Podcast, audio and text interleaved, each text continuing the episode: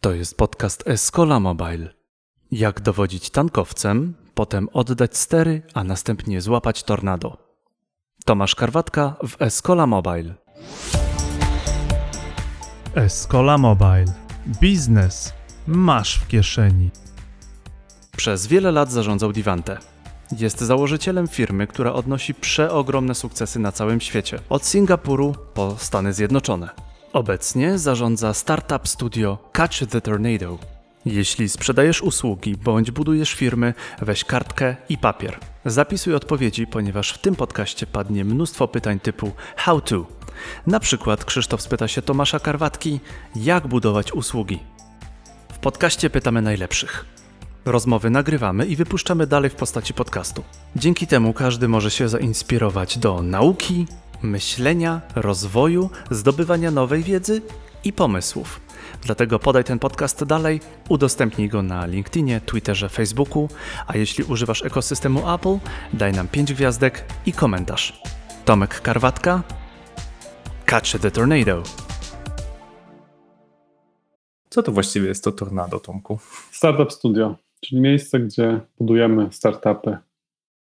Okej, okay. to od razu Cię o to zapytam. Startup Studio, fajnie, fajna nazwa, ale jaka jest różnica między czymś w rodzaju venture capital? Znaczy, co poza pieniędzmi dajecie? Mhm. E, budujemy razem startupy z co-founderami. Jesteśmy co-founderami przez pewien czas, e, więc różnica jest dosyć duża w stosunku do VC. E, my po prostu razem robimy ten projekt do momentu, aż e, znajdzie się pierwsza runda zewnętrzna, czyli pomagamy zbudować produkt, e, znaleźć klientów i znaleźć inwestorów. Głównie kierujemy się do ludzi, którzy są doświadczonymi specjalistami, może to jest ich pierwsza firma, albo już robili jakieś firmy, ale chcieliby skrócić po prostu, wiesz, ten, to, to szukanie product market fitu, pierwszych klientów, to czasami lata zajmuje, E, i można to skrócić naszym zdaniem do y, dosłownie kilku miesięcy, dziewięciu, e, czyli zaoszczędzić dużo czasu i później znaleźć sobie już e, inwestorów na, na lepszych warunkach. To jest nasza mhm. wartość, którą dostarczamy. To jeszcze powiedz, czy to jest wyłącznie dla e-commerce'u, z którego słyniesz wraz ze swoim bratem, czy, czy to dotyczy wielu branż? My się skupiamy na e-commerce. E, i nawet w, w, wężej e, na narzędziach dla e-commerce. Nas interesują tule, które pozwalają budować e-commerce. dlaczego tak wąsko? No dlatego, żebyśmy byli w stanie naprawdę efektywnie pomóc. Nie? Mam dobry network klientów, inwestorów, advisorów. Jak ktoś chce zbudować mm, taki startup, to naprawdę bardzo mocno możemy pomóc. Plus też wydaje mi się, że akurat teraz warto w tym obszarze działać, no bo e-commerce jest bardzo y, gorącym tematem, a jednocześnie też bardzo dużym, nie? Czyli jest bardzo duże zapotrzebowanie i te jakby e, intensywność tego zapotrzebowania oraz ilość firm, które potrzebują zbudować e-commerce jest bardzo duża, więc e, łatwo jest tam generalnie coś zacząć. Chcę mm, przejść troszeczkę do, do historii, i, a jeszcze wcześniej zapowiedzieć, e, o czym bym chciał porozmawiać z naszym gościem, z Tomkiem. Więc w dzisiejszym odcinku Escola Mobile będziemy rozmawiać oczywiście o historii Tomka jako założyciela Divante, wcześniej pracownika tak, w agencji Jan Media. Jak to się właśnie stało, gdzie przechodzisz od pracownika do foundera, jaka jest ta droga, co, co za tym spowodowało. Potem jak przechodzisz z foundera do rady nadzorczej, zakładasz swoją kolejną powiązaną, ale jak rozumiem niezależną, tak? Niezależną kapitałowo od Divanta organizację. Ale też będę miał dla Tomka kilka pytań odnośnie właśnie trendów e-commerce. Mamy ze sobą w Escola Mobile no naprawdę no, ośmielę się powiedzieć, niekwestionowanego króla e-commerce'owych software house'ów. Osobę, która jest wśród założycieli software house'ów pewną ikoną, odniosła wielki sukces, e, więc no, myślę, że twoje zdanie tutaj, jak budować produkty w oparciu o usługach, jak czy jest teraz moment, na jakie produkty będzie dla wielu osób bardzo znaczący. Więc zacznijmy od początku, czyli od historii. Oba jesteśmy z Wrocławia, nawet powiem tutaj słuchaczom, że planowałeś, że przyjedziesz tutaj do studia, ale stwierdzili, że za duże korki i we Wrocławiu faktycznie wiele lat temu chyba już nawet nie wiem, czy to nie ze dwie dekady temu, istniała taka dosyć rozpoznawalna agencja interaktywna Jan Media. Ona się pojawiła w Escola Mobile, bo w niej też pracowała Monika Mikowska z Mobidika. Tam się, rozumiem, poznaliście. I jaka była twoja historia z agencji interaktywnej, gdzie pewnie większość e, osób związanych z dzisiejszym IT przez jakąś agencję interaktywną się przewinęło i ciach nagle postanawiasz założyć Divante, jakiś e-commerce, jak, co, po, co, było, co podyktowało tą decyzję? Tak, to, to prawda. Znamy się z Moniką właśnie z y, Jan Media. Wiesz, ja zawsze chciałem mieć swoją firmę i przed Jan Media miałem swoją firmę. Ta, ta firma y, może nie była aż tak bardzo y, dużym sukcesem. E, robiliśmy z, z Piotrkiem gry e, i, i apki, jeszcze wtedy na CD, które były wydawane w różnych miejscach na świecie, ale było bardziej taki part-time e, job. Więc tak naprawdę no zawsze chcieliśmy robić coś swojego i jeszcze pracując w Jan Media robiliśmy z Piotrem taki agregator blogowy, się nazywa Blogfrog. Ten agregator w pewnym momencie y, od nas kupiła Agora. E, to był nasz pierwszy tak, taka powiedzmy sprzedaż firmy, to nie była nawet firma, tylko po prostu stronka, e, no ale to nam dało dużo takiej wolności, że możemy zrobić faktycznie coś większego. I zaczęliśmy budować wtedy pod wpływem 57 Signals, czyli też taki klasyk. E, wtedy chyba była ich książka Getting Real. Oczywiście zaczęliśmy budować SASa i budowaliśmy taki SAS, który się nazywał Business Wiki, czyli zarządzanie wiedzą. Fajnie to nawet szło na początku, fajna to była zabawa, ale to był rok tak 2008 i wtedy się taki duży kryzys wydarzył finansowy, a naszymi klientami były korporacje, no i te firmy nie były za bardzo zainteresowane rozwijaniem wiedzy swoich pracowników, tylko najbardziej to były zainteresowane kogo zwolnić. E, no więc ciężko dosyć było sprzedawać te licencje. E, i zaczęliśmy szukać swojej drogi i znaleźliśmy e-commerce. E-commerce się okazał bardzo odporny na kryzys, no bo jak kryzys, no to ludzie szukali oszczędności właśnie w e-commerce, a firmy też chciały nowych kanałów sprzedaży i zaczęliśmy ten e-commerce po prostu wdrażać najpierw e, jako agencja, czy taki spiwotowany startup do agencji, to jest też myślę bardzo klasyczne. Mhm. I robiliśmy to, robiliśmy, no tam dużo nauk, y, jak sprzedawać, jak skalować taką firmę usługową. Ja bardzo lubię firmy usługowe i to nie jest absolutnie tutaj, y, nie uważam tak, że to jest coś lepszego czy gorszego. Firmy usługowe są super, no bo jak już y, się wie, jak to robić, to one generują wysokie dywidendy, jest dużo pracy z klientami, więc jest bardzo dobre zrozumienie te, tego, co się w zasadzie robi. Ma się dostęp do świetnego talent pool, tak, do ludzi, to mnóstwo niesamowitych zalet. Więc jakby robiąc to i, i, generując też już fajne dywidendy, stwierdziliśmy, że fajnie by było wrócić trochę znowu do robienia produktów i zaczęliśmy robić z powrotem produkty. Pierwszy... Zatrzymam cię, zatrzymam cię tu Tomek, bo to taka ciekawa historia. Rozumiem, że prawie z Piotrkiem, twoim bratem, który rozumiem przewija się przez, Piotrek Karwatka przewija się przez wszystkie twoje biznesy. Prawie zrobiliście CD Projekt Red, wydawaliście gry i apki na CD-kach, tak? Tylko powiedzmy nie zaangażowaliście się w to e, tak jak bracia, e, bracia Iwińscy, tak? E, więc, więc było blisko, a mielibyśmy być może drugi CD Projekt Karwatka Brothers. Potem robiliście produkt, który mm, Zobacz, zabrakło nam, przepraszam, że ci przerwę, zabrakło nam tej cierpliwości, prawda? Natomiast y, fun fact jest taki, że my robiliśmy te, te gry dla firmy, y, która się wtedy nazywała Play, dzisiaj się nazywa Playwave, mm -hmm. która też jest unicornem, tak? I tam Krzysiek niesamowicie tą firmę rozwinął, więc enablerem właśnie dla, dla Playwave było pojawienie się marketplace'ów dla gier, tak. bo my robiliśmy gry, które chodziły na CD-kach, tak? I jakby dystrybucja to był zawsze duży problem. Ale tak, i to też jakby potwierdza moją teorię, od, od, czego zaczęliśmy z Moniką, że ludzie, którzy coś robią, to jest mała grupa ludzi, oni się często przewijają i bardzo często w życiu spotykasz tych ludzi trzeci, czwarty raz, nawet nie wiedząc, oglądając jakąś firmę, wow, ale świetna firma.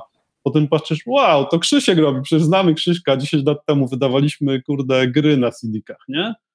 E, to też jest w sumie, w sumie ciekawa obserwacja, nie? że wiesz, jakby ta grupa ludzi, którzy coś robią jest mała, są po prostu bardzo aktywni i w wielu miejscach No i we Wrocławiu jeszcze masz Techland, tak? który nie wiemy, czy jest unicornem, bo no, jest spółką, ale też myślę, że jest sporo wart. Na pewno jest. Okej, okay. czyli tak, czyli jeszcze wrócę do podsumowania. E, czyli robiłeś startup, e, startup trochę nie wyszedł, więc pivotowałeś startup do, do e, usług. Usługi okazało się, że udaje ci się robić, więc pivotowałeś się do takich spin-offów produktowych. Ale ja chcę jeszcze o 10 lat Divante cię zapytać, gdzie robiłeś te usługi i mówisz, że jak się wie, jak to robić, to się produkuje niezłą dywidendę, no to jak to robić, tak? To jest jakby pytanie, na które czeka bardzo wielu tutaj founderów, którzy nas słuchają, przedsiębiorców. Jak się wie, jak się robi usługi. No to Tomasz Karwatka, proszę Państwa, jak robić usługi? E, spoko. Wiesz co, to, to nie są moje odkrycia, tylko one są generalnie na rynku. Największym moim odkryciem to, to była pewnie książka, którą e, mi z kolei polecił um, Kuba z NetGuru. To się nazywa Managing Professional Services Firm i to jest książka o tym, jak firmy konsultingowe są skonstruowane, jak one działają. Gruba, nudna książka, ale z bardzo dużą ilością wiedzy. No i generalnie to mnie wrzuciło na taki trop czytania po prostu o firmach konsultingowych. No te firmy od dawna istnieją i po prostu robią ileś rzeczy w jakiś sposób i to działa. I zaczęliśmy to po prostu wdrażać w Divante, e, zaczynając od e, no, tworzenia właśnie wartości, nie? tworzenia wartości dla klienta, e, która temu klientowi po, pomaga zarówno biznesowo, jak i tak życiowo. Czyli on się czuje super pracując z daną firmą. I to, to była jedna z rzeczy, którą się nauczyliśmy. No druga to takie dbanie o, satysfakcję z tego, co, co robimy po stronie klienta, e, dbanie o taką samą satysfakcję pracowników, e, więc w pewnym momencie włączyliśmy takie opomiarowanie e, proste, ale bardzo skuteczne NPS i ENPS, czy Net Promoter Score. Pytanie się po prostu i naszych ludzi, i naszych klientów, czy poleciłbyś tą firmę i wyciąganie wniosków z tego szczególnie z tych miejsc, gdzie ktoś mówi, żeby nie polecił, albo no tak średnio by polecił, nie? No i w zasadzie tyle, nie? I jakby to nie jest bardzo trudne, tylko trzeba to robić. Powiedziałeś tak, dawanie wartości klientom, NPS-y wobec klientów i wobec pracowników. To wszystko brzmi tak łatwo. To pytanie, dlaczego górne kilkaset software house'ów w Polsce, tylko, tylko tak naprawdę kilkadziesiąt odnosi fajne wyniki, są gdzieś widoczne na, na międzynarodowych rankingach.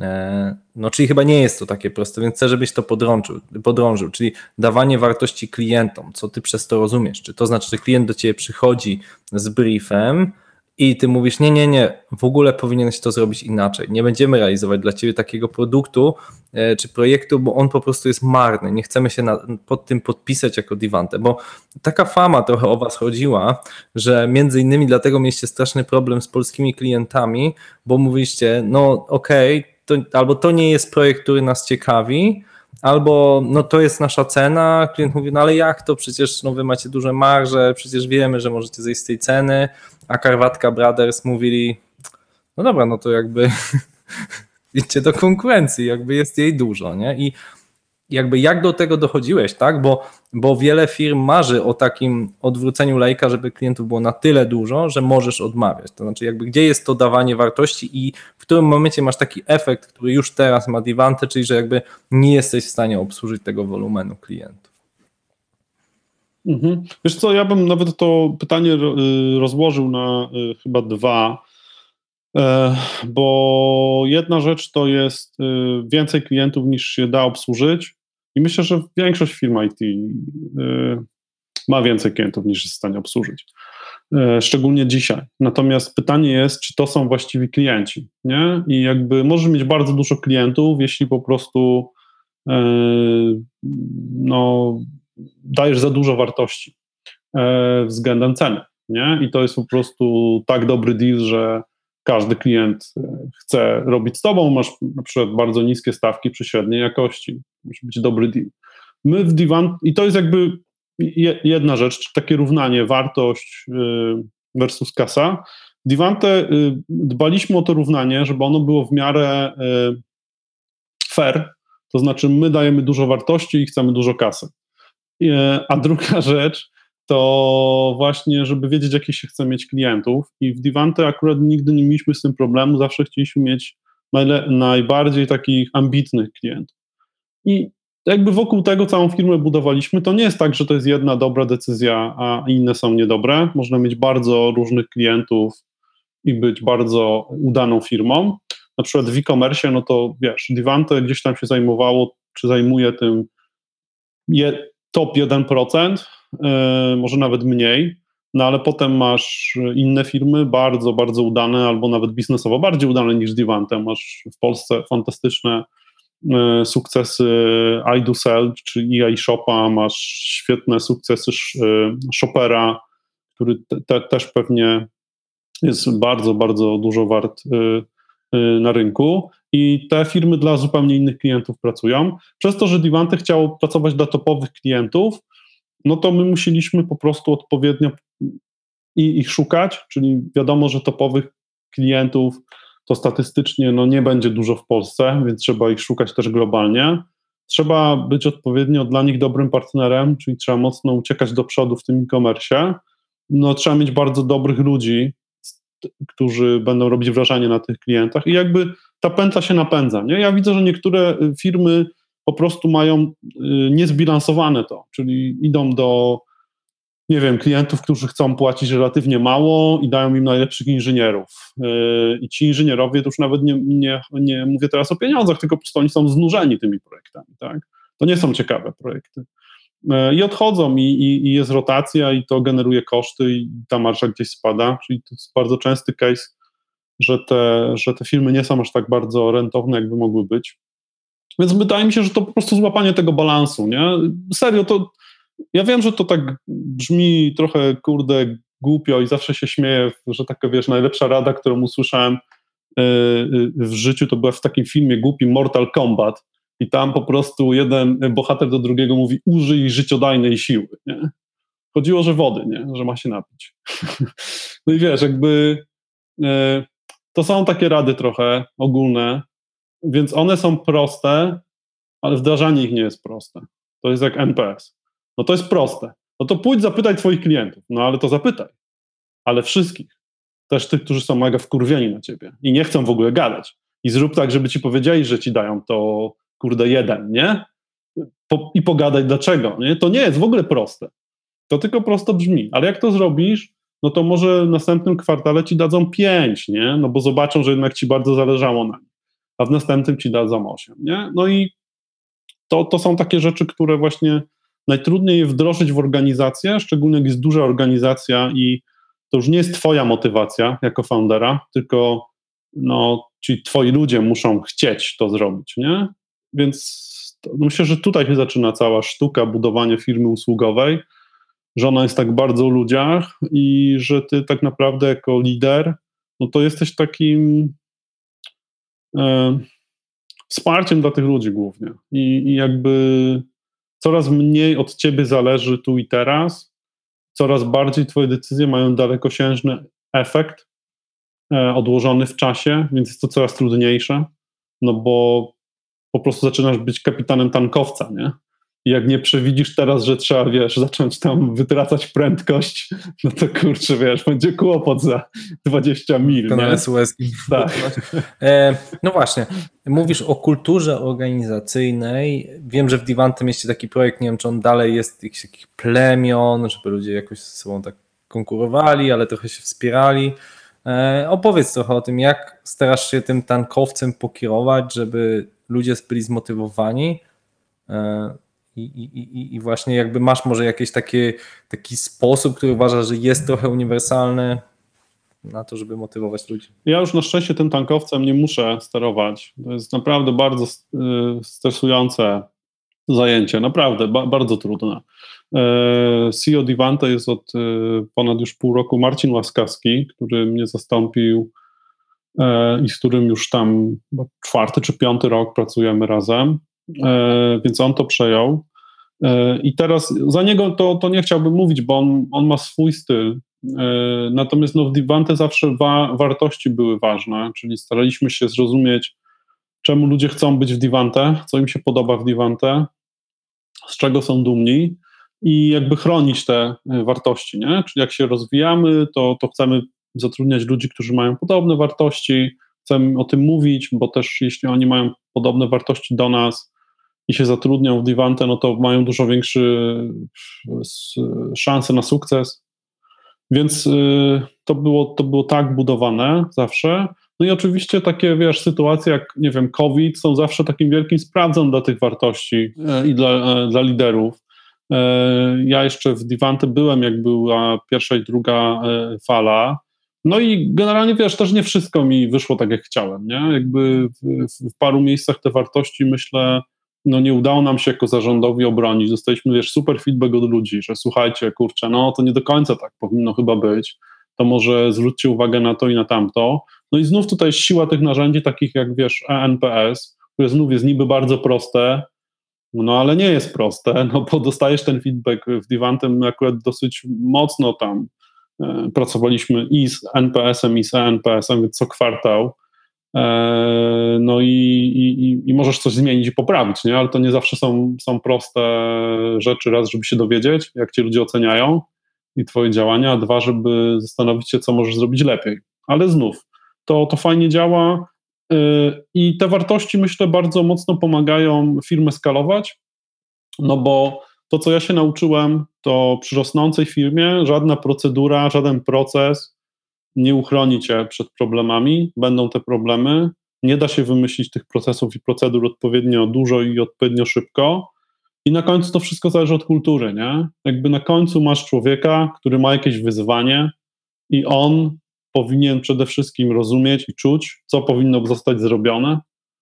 I, I, jeśli tego nie będzie, to najlepsza procedura ci nie pomoże. Więc jak ktoś mi opowiada, że wiesz, w firmach to jest najważniejsze, żeby ją poukładać, procedury i tak dalej, to mogę tylko parsnąć śmiechem. To w ogóle nie działa.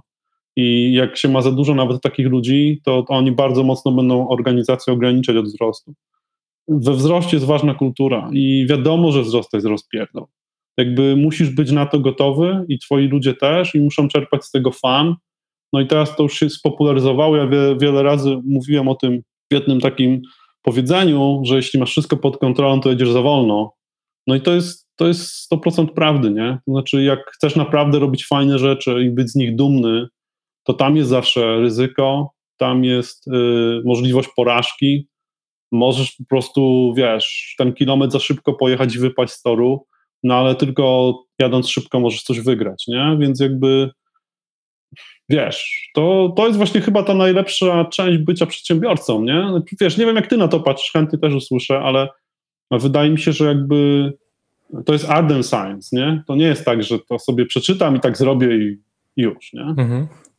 No tak jak, e, tak jak nazwałeś to wyścigu, jeżeli jedziesz nie ryzykujesz jadąc, no to na pewno nie jedziesz odpowiednio szybko, tak? No pytanie jest też, żeby nie, nie, nie jechać za szybko, tak? Znaczy, jeżeli jedziesz już absurdalnie szybko, to też zależy od warunków, tak? Bo jeżeli jesteś prawda, w Dolinie Krzemowej i po prostu setki milionów, jak nie miliardy dolarów są pompowane, bo, jest, bo właśnie znalazłeś product market fit, jesteś Uberem, jesteś e, nie wiem, jakimś tam AI-owym przedsiębiorstwem, współczesnym, no to faktycznie musisz po prostu absurdalnie się skalować. O, to, o tym jest w książce choćby tej Hard Thing on Hard Things, tak?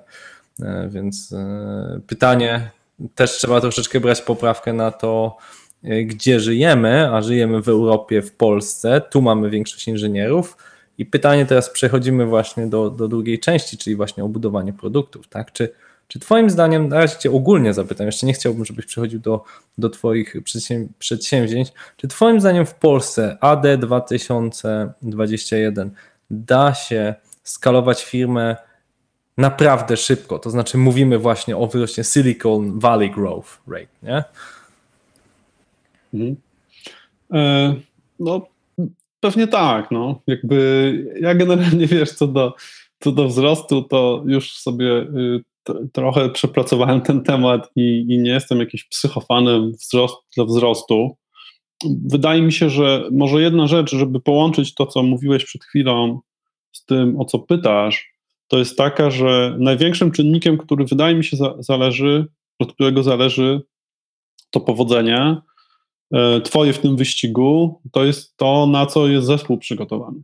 Jak, jeśli masz zespół, który jest przygotowany na Twój styl jazdy, czy jazdy kierowcy, którego masz, bo ja myślę, że my jako founderzy to nie jesteśmy kierowcą, tylko jesteśmy bardziej właśnie menadżerem tego zespołu i mamy jakichś kierowców i ten zespół, nie wiem, mechaników, inżynierów, kierowca, e, jego fizjoterapeuta i wszyscy muszą być przygotowani do tego, co chcemy osiągnąć. I jakby prędkość odpowiednia to jest taka, jak ten zespół działa i też jego najsłabsze ogniwa.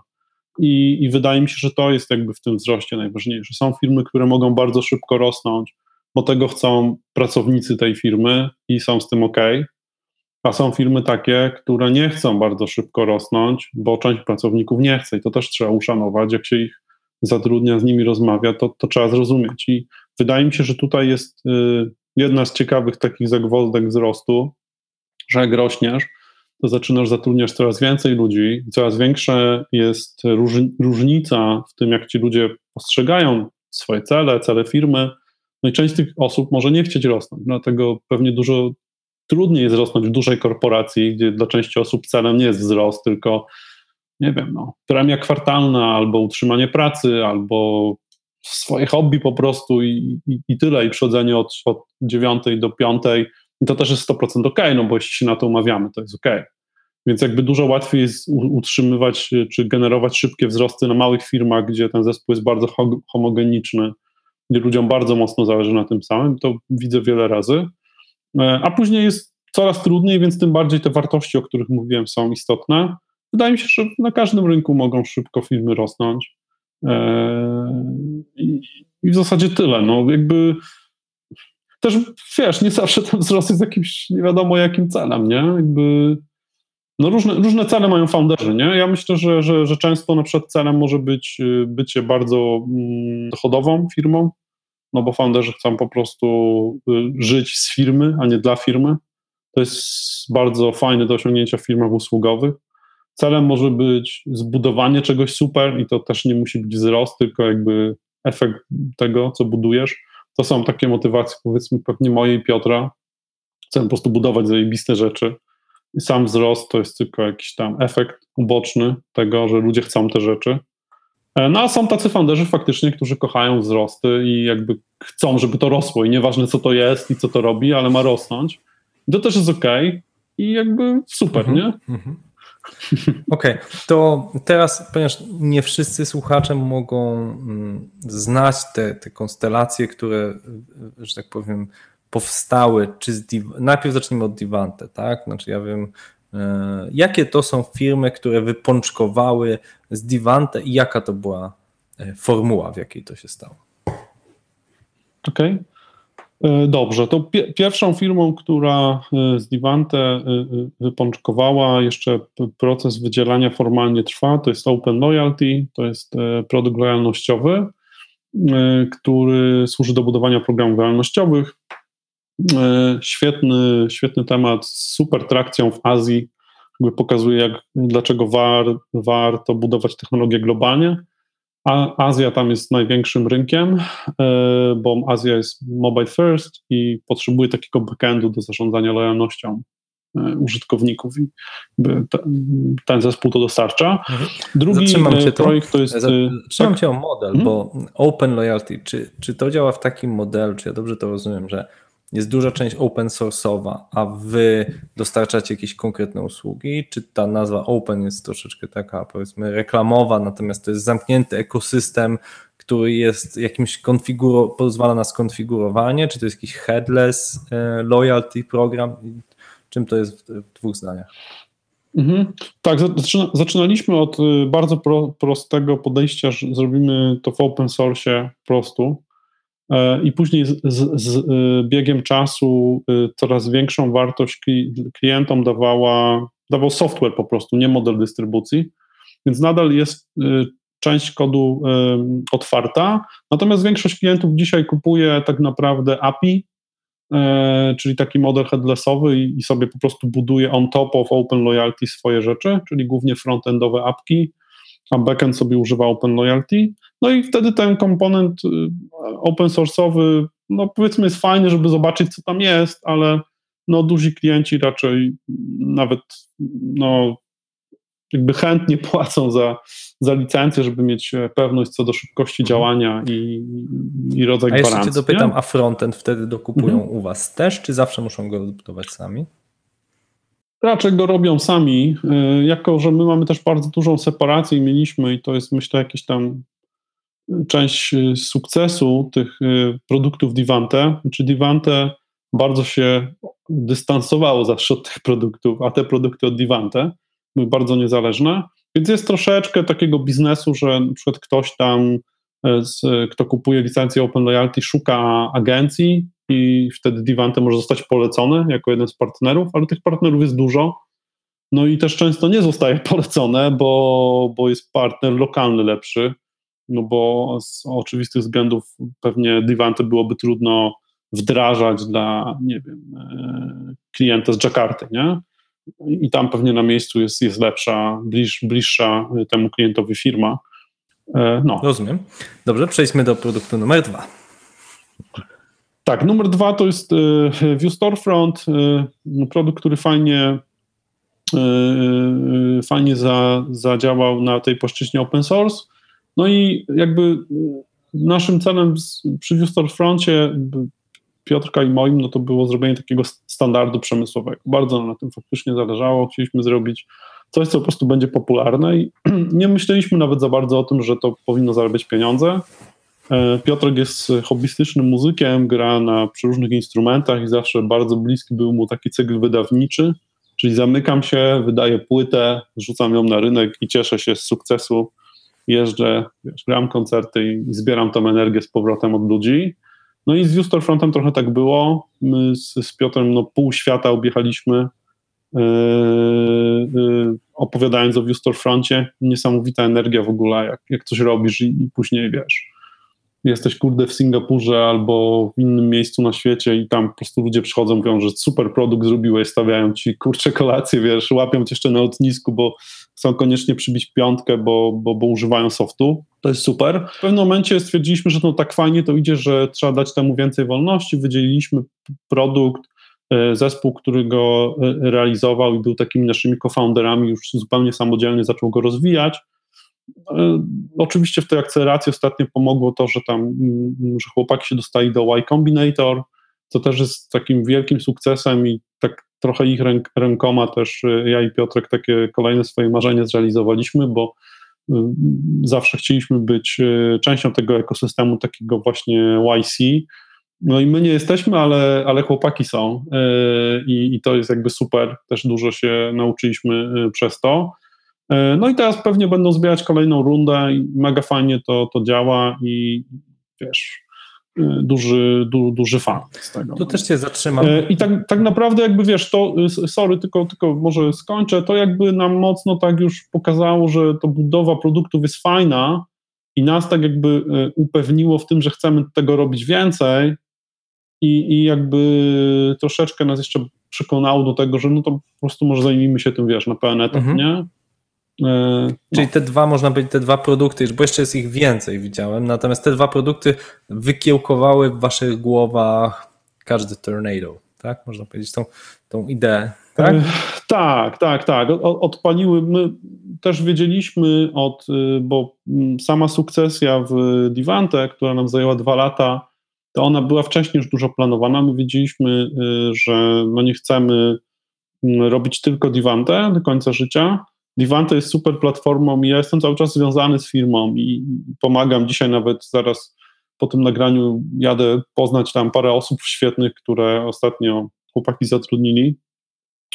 E, więc y, chcemy dalej wspierać Divante, natomiast y, no, też jakby chcemy się bardziej poświęcić po prostu robieniu produktów i Sukcesja, która się toczyła od dłuższego czasu, yy, miała to umożliwić, ale no, sukcesy Open Loyalty View Storefront, te takie ostatnie, mocno nam pomogły podjąć tą decyzję też, nie? Więc na pewno było to korzystne. Okej, okay, to, to, to muszę Ci zadać e, kilka oczy, oczywistych pozornie pytań, tak? E, pierwszym takim niby oczywistym pytaniem jest, no dobrze, masz biznes usługowy, no, zarabia świetne pieniądze, Divante ma rozpoznawalną markę. Tak? Dlaczego właściwie te produkty? To znaczy, czy to e, tak jak mówisz, że jest jakaś taka potrzeba posiadania czegoś swojego, czy też odpowiedź na potrzeby rynkowe, które po prostu wyraźnie widzieliście z Piotrkiem, czy, mm, no nie wiem, przeczytaliście, że tam są lepsze mnożniki, cena zysk, więc warto tutaj w to inwestować? Wiesz co, y, bardzo wewnętrzne motywacje. Naprawdę, zupełnie szczerze z serca to mówię. Jakby, wiesz, świetnie zbudować firmę usługową i, i dojście do tych 300 osób to jest y, naprawdę olbrzymia radość. I my Divante traktowaliśmy zawsze jako nasz taki, kurczę, wiesz, nie chcę, żeby to źle zabrzmiało, ale produkt, nie? Czyli jakby ta firma to jest to. Jest to. E, I, I my po prostu kochamy budować. I budowanie, i, i jakby w Divante mamy teraz zespół, jeśli chodzi o zarządzanie, który ma dużo więcej doświadczenia i fanu z budowania większych firm. I, i y, Piotr Maksim i Marcin Łaskawski to są y, goście z niesamowitym doświadczeniem budowy dużych firm. A nas najbardziej, mnie i Piotrka cieszy ta pierwsza część, czyli budowanie takie zero to one. Nie ma firmy i budujemy, żeby była, nie? I odpalamy ją i to nas po prostu mega, mega cieszy. Mam olbrzymi fan z tego. I nawet to nie jest chyba nawet ważne do końca, że to jest firma, no bo ja w międzyczasie zrobiłem Tech to the Rescue, który jest NGO-sem, a Piotrek zrobił CTO, CTO podcast, który jest no, podcastem, nie? Więc jakby tam nie ma nawet mowy o zarabianiu, ale nadal nas to po prostu bardzo cieszy robienie czegoś, od nowa, budowanie, naprawdę, jakby słowo budowanie to w naszych rozmowach z Piotrem się pojawia non-stop. Bardzo lubimy z sobą pracować, e, jesteśmy totalnym zaprzeczeniem tym, że wiesz, z rodziną tylko na zdjęciach się dobrze wychodzi, bo dobrze wychodzimy na tej współpracy, ale takich case'ów akurat w IT mnóstwo, nie? W ogóle jakichś takich, szczególnie właśnie e, rodzeństwa robiącego biznes, więc super. I my po prostu bardzo chcemy budować, serio. Jakby tutaj nie ma żadnego w ogóle drugiego dna, nawet jakbyśmy mniej zarabiali, y, to byśmy się cieszyli tak samo, nie serio. Jeszcze jak powiedziałeś o Piotrku i że stawicie stanowicie zgrany duet, to jest coś, co faktycznie wywołuje sporo dyskusji w branży, ale jednak y, ty jesteś kojarzony jako twarz tego duetu Karwatka Brothers. Czy to było tak, że wy się umówiliście w ten sposób, czy to tak wyszło, czy nie wiem, czy jesteś starszym bratem, więc tak jakby jestem ciekaw, jak to się stało. Oczywiście Piotrek dzięki właśnie choćby podcastowi też jest w wielu kręgach bardzo rozpoznawalny, ale jednak wydaje się, że e, ty stałeś się frontmanem duetu. Jak, to, jak do tego doszło? Wiesz co, mamy inny troszkę z, y, zestaw cech charakteru. E, ja mam y, typ osobowości według y, mm, 16 Personalities. Taki, wiesz, prowoder, taki ktoś, kto zaczyna. Na, nawet nie lider, tylko taki zapalacz. Piotrek ma bardziej taki typ y, charakteru y, kogoś, kto y, tworzy i, i dopieszcza. Więc dla mnie jest dużo łatwiejsze to nawiązywanie relacji szeroko, ale dosyć płytkich, a dla Piotra jest dużo bardziej naturalne nawiązywanie mniej relacji, ale bardzo głębokich. No i to się świetnie sprawdza. Tak naprawdę myślę, że nawet doskonałym takim y, ilustracją tego jest, że jak y, właśnie robiliśmy te dwa projekty, czyli ja robiłem y, Tech to the Rescue, to ja szedłem bardzo na Mhm. ilość. Czyli jak najwięcej firm chcemy połączyć z jak największą ilością NGO-sów. Ja to po prostu mam w genach, nie? Po prostu ma być Wynik. dużo. Wynik, nie? A Piotrek robi CTO to CTO, nie? Siada z gościem, najpierw wiesz, siada w ogóle na y, dwie godziny rozmowy przed nagraniem, potem nagrywa, a potem jeszcze się umawia w ogóle pogadać jeszcze raz, nie? Czyli jakby wiesz, on tam z gościem spędza, nie wiem, 6 godzin, są jego wszyscy najlepsi przyjaciele teraz. I to w ogóle wiesz, to jest super. Więc y, myślę, że to stąd wynikało, nigdy się nie umawialiśmy, ale po prostu dobrze się czujemy, bo ja bardzo zachęcam ludzi do tego, żeby poznawali siebie i się zastanawiali, co lubią robić i robili więcej tego, co lubią i potrafią, bo to da dużo lepsze efekty niż walczenie z tym, w czym są słabi, no bo wiesz, myślę, że to jest y, dużo fajniej brzmi, że wiesz, jestem mistrzem świata w robieniu, kurczę, y, networkingu w branży IT, niż że jestem przeciętny w pięciu rzeczach w Mhm. IT, no nie? No bo to, to przeciętność tak bardzo nie przyciąga, nie? No właśnie, jak mówimy o dążeniu do takiej doskonałości jako człowiek, jako przedsiębiorca, jako osobowość, to e, widziałem, że współzakładałeś organizację, w której ja od niedawna jestem, Entrepreneurs Organization, e, ale teraz przeniosłeś się do YPO, domyślam się z braku czasu, tak, żeby łączyć dwie takie angażujące organizacje przy tym, co robisz. I chciałem Cię zapytać, jakby co daje Ci YPO, czy co dało Ci EO właśnie jako przedsiębiorcy, jako człowiekowi, który chce się rozwijać, tak? Masz MBA, mogłeś robić doktorat, mogłeś pojechać na Stanford na Nie, nie mogłem, nie mogłem. jakby, a wybrałeś YPO, więc ciekaw jestem, jakby co za tym stało i, i czy jesteś zadowolony, czy zyskujesz. E, Okej, okay. EO to, to nie tyle gdzieś tam tu zakładałem, to po prostu dołączyłem bardzo wcześnie i jakby to było super. Już cała, cała ekipa już najgorszą pracę zrobiła e, i też słyszę, że to się świetnie rozwija, też gratuluję, e, no bo nie wiem, czy wszyscy wiedzą, do tych organizacji nie można się po prostu zapisać. Znaczy, trzeba przejść dosyć jednak wymagającą rekrutację i tam jakby to jest super, bo jakby dzięki temu wewnątrz są ludzie, którzy, którym zależy na podobnych rzeczach, nie? To jakby świetnie działa. EO i YPO to są w zasadzie takie same organizacje, bardzo zbliżone, więc będąc w dwóch po prostu no, musiałem zdecydować ze względu na czas, żeby wybrać jedną i wybrałem YPO dlatego, że jest tam trochę więcej, trochę większych biznesów, chociaż to akurat w Polsce, bo w Polsce YPO jest dłużej po prostu, a, a EO jest, jest krócej, więc jeszcze tak dużo dużych biznesów nie wypączkowało. A mi bardzo zależało na tym, żeby zobaczyć jakby co tam jest dalej i, i jakby mm, porozmawiać z ludźmi, którzy większe, duże firmy mają niż, niż Divante i jak oni sobie z tym wszystkim radzą. I to super działa. Bardzo jestem zadowolony z, z YPO i polecam wszystkim i, i tak samo EO. Świetny y, sposób na poznanie innych przedsiębiorców, porozmawianie, powymienianie doświadczeń. Te, tego czasem brakuje. Świetny sposób na rozwój też, no bo w obu w, w organizacjach jest taki format forum, czyli taki, taki format, który pozwala tobie razem z twoją grupą y, no, spojrzeć na swoje życie i rozwijać to życie bardziej świadomie no naprawdę jest game changing i, i, świetne.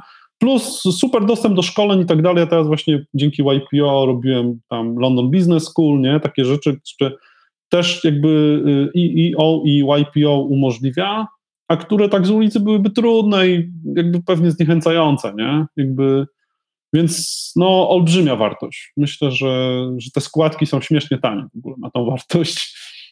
No ale okej, okay, przecież nie powiemy tego, co nie? Przecież nie transmitujemy tego live.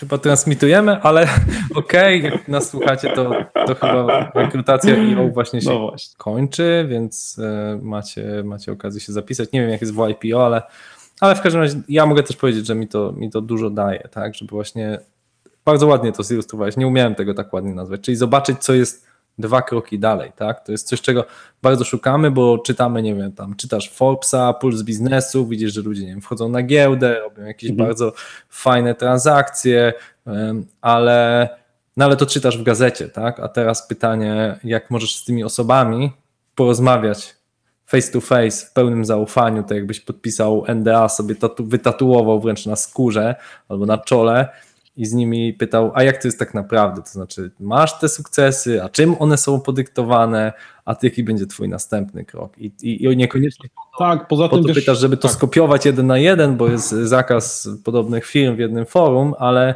ale po to, żebyś właśnie mógł sobie w głowie ułożyć, ok, jeśli on odniósł sukces idąc tą drogą, to może ja powinienem tą troszeczkę inną i, i tak e, mogę się rozwijać.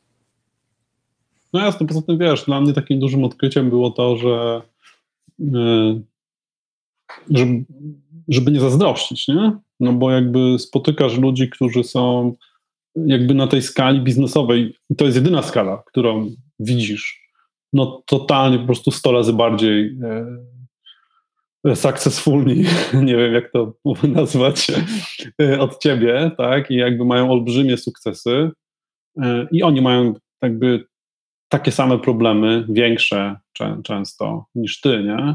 I jakby wiesz, zaczyna się zastanawiać, czy ja bym się chciał zamienić, ale na całość, nie? Na tą firmę, o której pisali ostatnio w Forbesie i, i na te wszystkie problemy, które, które wiesz, ten człowiek też ma, bo on jest całością. I sobie mówisz, kurde, nie? Mam całkiem nieźle, nie? I jakby przestajesz zazdrościć, co jest w ogóle też super. Czyli wyszło jednak e, nasze lokalne myślenie, że człowiek lepiej się czuje, kiedy widzi, że innym jest gorzej. Oczywiście.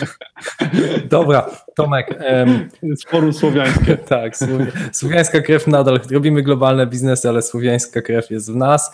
to, to teraz powiedzmy o, o jednej rzeczy, czyli mówisz, że dwa lata ponad trwała ta tranzycja, e, ale już to wcześniej wymyśliłeś, bo lubisz budować, tak? I, i w którymś momencie postanawiacie w bratem, że będziecie e, łapać to tornado. W ogóle powiedz, skąd się wzięła ta nazwa. Okej, okay, to y, y, nazwa się wzięła stąd, że czytaliśmy fantastyczną książkę Inside the Tornado. E, I ta książka jest o tym, że na rynku są takie momenty, kiedy dzieją się duże zmiany i można zbudować firmy, które mogą zostać liderami w tych nowych kategoriach. My wierzymy, że teraz e-commerce jest taką kategorią, gdzie się bardzo dużo rzeczy zmieniło, bo E, ten wzrost e-commerce jest bardzo duży. E, I to jest miejsce, gdzie można zbudować nowych liderów, nowych kategorii. I chcemy to robić, dlatego nazwaliśmy się Każde Tornado, czyli no, chcemy złapać ten, ten, ten, ten trend, który jest. E, I to ja może krótko też powiem, bo ludzie o to często pytają, jak to wygląda w ogóle współpraca z każdym Tornado, jeśli pozwolisz. Proszę bardzo. Dziękuję. Generalnie to wygląda tak, że my szukamy nawet pojedynczych osób, przedsiębiorców albo ludzi, którzy chcą być przedsiębiorcami, chcą założyć firmę, ale chcą to zrobić szybko, efektywnie, bez kręcenia się w kółko. E, I te osoby, rozmawiamy sobie z nimi, y, często nam się udaje dobrać y, te osoby w pary z, z, z co-founderem technicznym, biznesowym i rozmawiamy sobie o pomysłach, jakie mamy realnie, jakie widzimy potrzeby na rynku e-commerce. I to jest naprawdę olbrzymi skrót, no bo ja jestem równocześnie gdzieś tam mentorem, business angelem, widzę mnóstwo startupów, które się naprawdę po prostu tracą lata na znalezienie tego, co robić. E, my to dajemy, dlatego że mamy no, wgląd w to e, po prostu 20 lat i, i możemy zawsze porozmawiać z dużymi i, średnimi klientami o tym, co potrzebują. Wy, wy, wybieramy sobie jeden pomysł, który chcielibyśmy razem zrobić tym zespołem. Yy, dofinansowujemy ten zespół. To jest kilkaset tysięcy, ostatnio dwa razy to było po 200 tysięcy złotych, więc nieduża kwota. Ta kwota jest po to, żeby te osoby przez 9 miesięcy mogły się po prostu zająć tym. Yy, I one się tym zajmują. Razem z nami budujemy MVP, czyli taki minimalny produkt, który, który da się komuś sprzedać. E, i równolegle y, y, pomagamy określić MVP, szukamy pierwszych klientów, robimy pilotaże, tak żeby po tych dziewięciu miesiącach mieć y, jakiegoś pierwszego klienta, mieć MVP e, i, i, i, gdzieś już na ostatnim etapie zaczynamy rozmowy z inwestorami, biznes angelami. Tutaj też my znamy bardzo dużo ludzi, mamy jakąś już tam małą trakcję, więc te, te osoby mają do nas zaufanie. No i ten nasz etap akceleracji kończy się tym, że, że jest zewnętrzna runda finansowania. E, jako że nam zależy, żeby to były bardzo e, globalne firmy i udane, to e, rozwiązujemy od razu największy problem wszystkich venture builderów, spin-offów, firm gdzieś budowanych w software house'ach, czyli CapTable, gdzie jakby po, po tej pierwszej inwestycji to my jesteśmy na około 20% i to jest po prostu bardzo dobrze inwestowalna firma z bardzo zdrowym capem, founderzy mają, mają resztę, więc dla nich jest to fantastyczna też okazja życiowa. Czy to działa? No ostatnio właśnie zamknęliśmy taką rundę w mid-sales e, po, po, po nawet krótszym okresie niż to 9 miesięcy. Pozyskaliśmy 800 tysięcy euro od VC-ka z Berlina, takiego naprawdę, naprawdę topowego. Nie jest znany w Polsce, ale jak się popyta w, gdzieś na świecie, to jest topowy VC Atlantic Labs. E, i y, 10 business angeli i ci business angelowie też są świetni i w tym obszarze, no bo tam mamy e, co-founderkę Demandware, czy dzisiaj Salesforce, e, mamy jednego z pierwszych y, pracowników Magento, mamy y, no, CTO wiesz, Rocket Internet, no naprawdę niesamowite high profile osoby, które też bardzo pomagają tym ludziom, no i też świadczą, że to jest dobry, dobry projekt, nie? I jakby patrząc, myślę z perspektywy foundera, tego, który z nami pracuje, no to po prostu my chcemy jak najwięcej dać wartości, żeby to się udało. Nie jesteśmy VC-kiem, więc my nie robimy takich betów, że tam wiesz, no wyjdzie jeden na dziesięć, a reszta pewnie spłonie i mamy to w nosie. Tylko my naprawdę z tymi ludźmi siedzimy i my chcemy, żeby wyszło każde jedno. I jak nie będzie unicorn, to na pewno będzie Mustang, jak to mówi Piotrek czyli y, dobry y, biznes, który będzie zarabiał, no bo one są bardzo to the ground. My od razu gadamy z klientami, od razu wiemy, że ktoś to chce kupić, nie? E, więc takie wiesz, ja to tak mówię, że to takie jest trochę niemieckie podejście, nie? Jakby my budujemy bardzo, wiesz, solidne komponenty e, technologiczne do, do, do e-commerce'u, te filmy są dosyć takie, dosyć pewne, nie? Tak mi się wydaje. Teraz następną budujemy taki, wiesz, uniwersalny booking engine, no to też jakby pierwszy feedback dostaliśmy, wow, czemu nikt tego wcześniej nie wymyślił, chcę tego użyć, to jest super. Są proste pomysły, po prostu dobrze globalnie zrobione. Czyli nie lasery, nie bajery, tylko Polish machinery. Dokładnie tak. Okej. Dokładnie E, tak. Jeszcze Cię chciałem zapytać, jak, jak e, jako eksperta branży, mm, przychodzą do Ciebie ludzie z tymi pomysłami, fajnie opisałeś, jak, jak można zgłosić się do Tomka, to, to nie wiem, przez LinkedIna, przez y, maila, przez Facebooka, jak Cię można Tak, za, znaleźć? zachęcam każdym y, formą kontaktu, tak, oczywiście. Okej, to damy w opisie na dole linki tutaj do socjali Tomka, może maila nawet, jak się zgodzisz. E, Teraz mam do Ciebie pytanie, ponieważ my w Escola też robimy taki trochę venture building. Mamy cztery podmioty, cztery, już nawet jeden chyba możemy zdradzić, że oceniałeś, czyli Escola LMS, ale w tej chwili jesteśmy na progu transakcji zakupu mm, właśnie takiego systemu do, do e-commerce. Chyba nie mogę zdradzić, bo, bo jesteśmy w drodze na giełdę i chyba jakbym na live się wygadał, to mógł być kłopot, ale, ale jesteśmy u progu zakupu mm, pakietu większościowego w takim systemie e-commerce.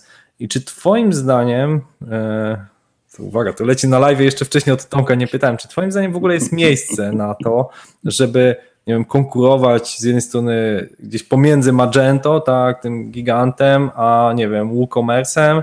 Wydaje mi się, że tego na rynku jest pełno, więc ja osobiście miałem dużo wątpliwości co do tej transakcji.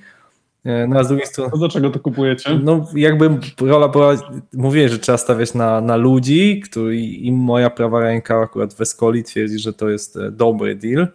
E, Poza tym jest to taki trochę spin-off, który wyrósł od środka organizacji, znaczy chłopaki robili to z pasji po godzinach i to uważam jest akurat coś, co mnie przekonuje, że jeżeli ktoś w to wierzy, to ma trochę klientów, tak, to ma kilku klientów płacących, no to tak jak e, powiedziałeś, może nie będzie to unicorn, ale może to będzie całkiem solidny Mustang.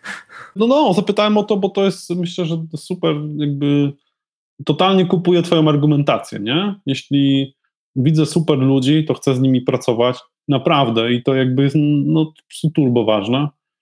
E, Wydaje mi się, że e-commerce jest bardzo szerokim rynkiem i jest dużo miejsca na robienie y, jakby niszowych, w cudzysłowie, dedykowanych y, rozwiązań e-commerce'owych. I wiesz, to co jeszcze 10 lat temu nie miałoby sensu, to dzisiaj pewnie ma sens, no bo wyobrażam sobie, wiesz, zrobienie e-commerce upsellingowego dla, nie wiem, no, gabinetów dentystycznych, nie? Co, wiesz, wydaje się abstrakcją, ale nie jest abstrakcją, bo to jest olbrzymi rynek nie, na świecie i, i pewnie gdyby dać możliwość wszystkim dentystom, wiesz, do sprzedawania swoim, klien- swoim e, pacjentom pasty, szczoteczki, które polecają i, i przy okazji zapraszania ich do siebie na wizytę kontrolną, no to już masz po prostu unicorna, nie? Tak po prostu, tylko to trzeba zrobić globalnie. Więc myślę, że jak najbardziej tak. I, i jeśli to jest dobry zespół, to na pewno warto robić coś w e-commerce. Jest dużo miejsca na pivoty, rynek rośnie, łatwo zdobyć finansowanie, gdzieś na giełdę, więc super. Jakby trzeba te pieniądze gdzieś wydać, co nie? Mhm. Okej, to jeszcze Tomku, chciałbym Cię żeby poprosić o no właśnie, kilka porad dla osób, które akurat widzą w e-commerce swój potencjał, tak? Przychodzi do Ciebie, mówisz, mentorujesz, przychodzą do Ciebie ludzie z gotowymi firmami, tak? Jakby z czym co ja się stykam, już staram się ograniczyć to mentorowanie, bo jednak jest to niezwykle angażujące czasowo, ale też i energetycznie. Ja zauważyłem, że jak robię taki w, w, dla KPT w Krakowie, robiłem taki mentoring raz na dwa miesiące, to jest po prostu 5 godzin mentorowania, 5 razy wchodzisz w czyjś biznes. Ja też miałem przygodę jakąś konsultingu z Boston Consulting Group przez rok życia i to jest po prostu drenaż dla mnie totalny. To ktoś mój wysysał moje najlepsze soki z mózgu, już nie jestem nic w stanie z tym zrobić, z takim dniem, więc pytam Ciebie jakby, co Ty radzisz tym osobom, które właśnie gdzieś chodzą po tych akceleratorach, jest ich sporo w tej chwili, wiesz, poszło masę publicznej kasy, albo wzięli jakąś pierwszą alfę. I tak widzę, że sposób się tak błąka, w sensie ten pomysł jest tak, tak się trochę tak wlecze. I tu nie pytam cię tylko o e-commerce, pytam cię ogólnie, tych startupowców jest pełno, nie? Jest jakby setki osób, nawet widzę, że jeśli nie tysiące, część osób uczyniło z tego jakiś taki swój styl życia, że tam jeden robią jakiś taki MVP, to jakby tak niezbyt wypala, więc próbują kolejny, ileś tam akceleratorów im tam tu 100 tysięcy, tu 200, jakby, no więc y, Tomasz Karfatka mówi startupowcom jak żyć. E, spoko, ja się w ogóle nie czuję jakoś tak, wiesz, dobrą osobą do radzenia, bo tak nigdy się nie nastawiałem, żebym chciał jakieś startupy robić. Po prostu, no, tak jak mówiłem, lubię budować rzeczy i tyle. E, natomiast wiesz co, wydaje mi się, że tak ogólnie to po prostu jest bardzo, ale to bardzo, bardzo ważne, żeby yy, słyszeć prawdę. I bardzo mało ludzi ma interes w tym, żeby ci mówić prawdę. I to jest jakieś tam wyzwanie. Tak naprawdę, jeśli chodzisz po VC-kach i Business Angelach, no to nikt nie ma motywacji ci mówić e, prawdy, no bo każdy zakłada, że jeśli właśnie pitchujesz idiotyczny pomysł, to możesz za dwa miesiące przyjść z fajnym, albo możesz y, w tym idiotycznym pomyśle odnieść sukces, więc po co sobie palić most? Bardzo, bardzo mocno widać taką kulturę właśnie anglosaską już w świecie mm, VC-kowym, który jest no, po prostu światem finansowym. Więc y, potrzebujesz po prostu sparring partnerów. Ja myślę, że to jest część właśnie tej wartości, które każdy turniej dodaje, że my to razem z tobą robimy. Jak to jest idiotyczne, to to jest nasz problem też, nie tylko twój. No nie, i my ci nie powiemy, no fajnie, próbuj dalej. My powiemy, kurwa, ja, to jest jakieś gówno, nie? Co my tu robimy, nie? I jakby my się czujemy współpowiedzialni, więc jakby to jest nasze, nasz problem, co my tu robimy, nie? E, I wydaje mi się, że bardzo trzeba szukać takich mentorów, którzy ci mówią prawdę. Naprawdę. Jakby ja zawsze mówię prawdę tym, tym mentorowanym osobom.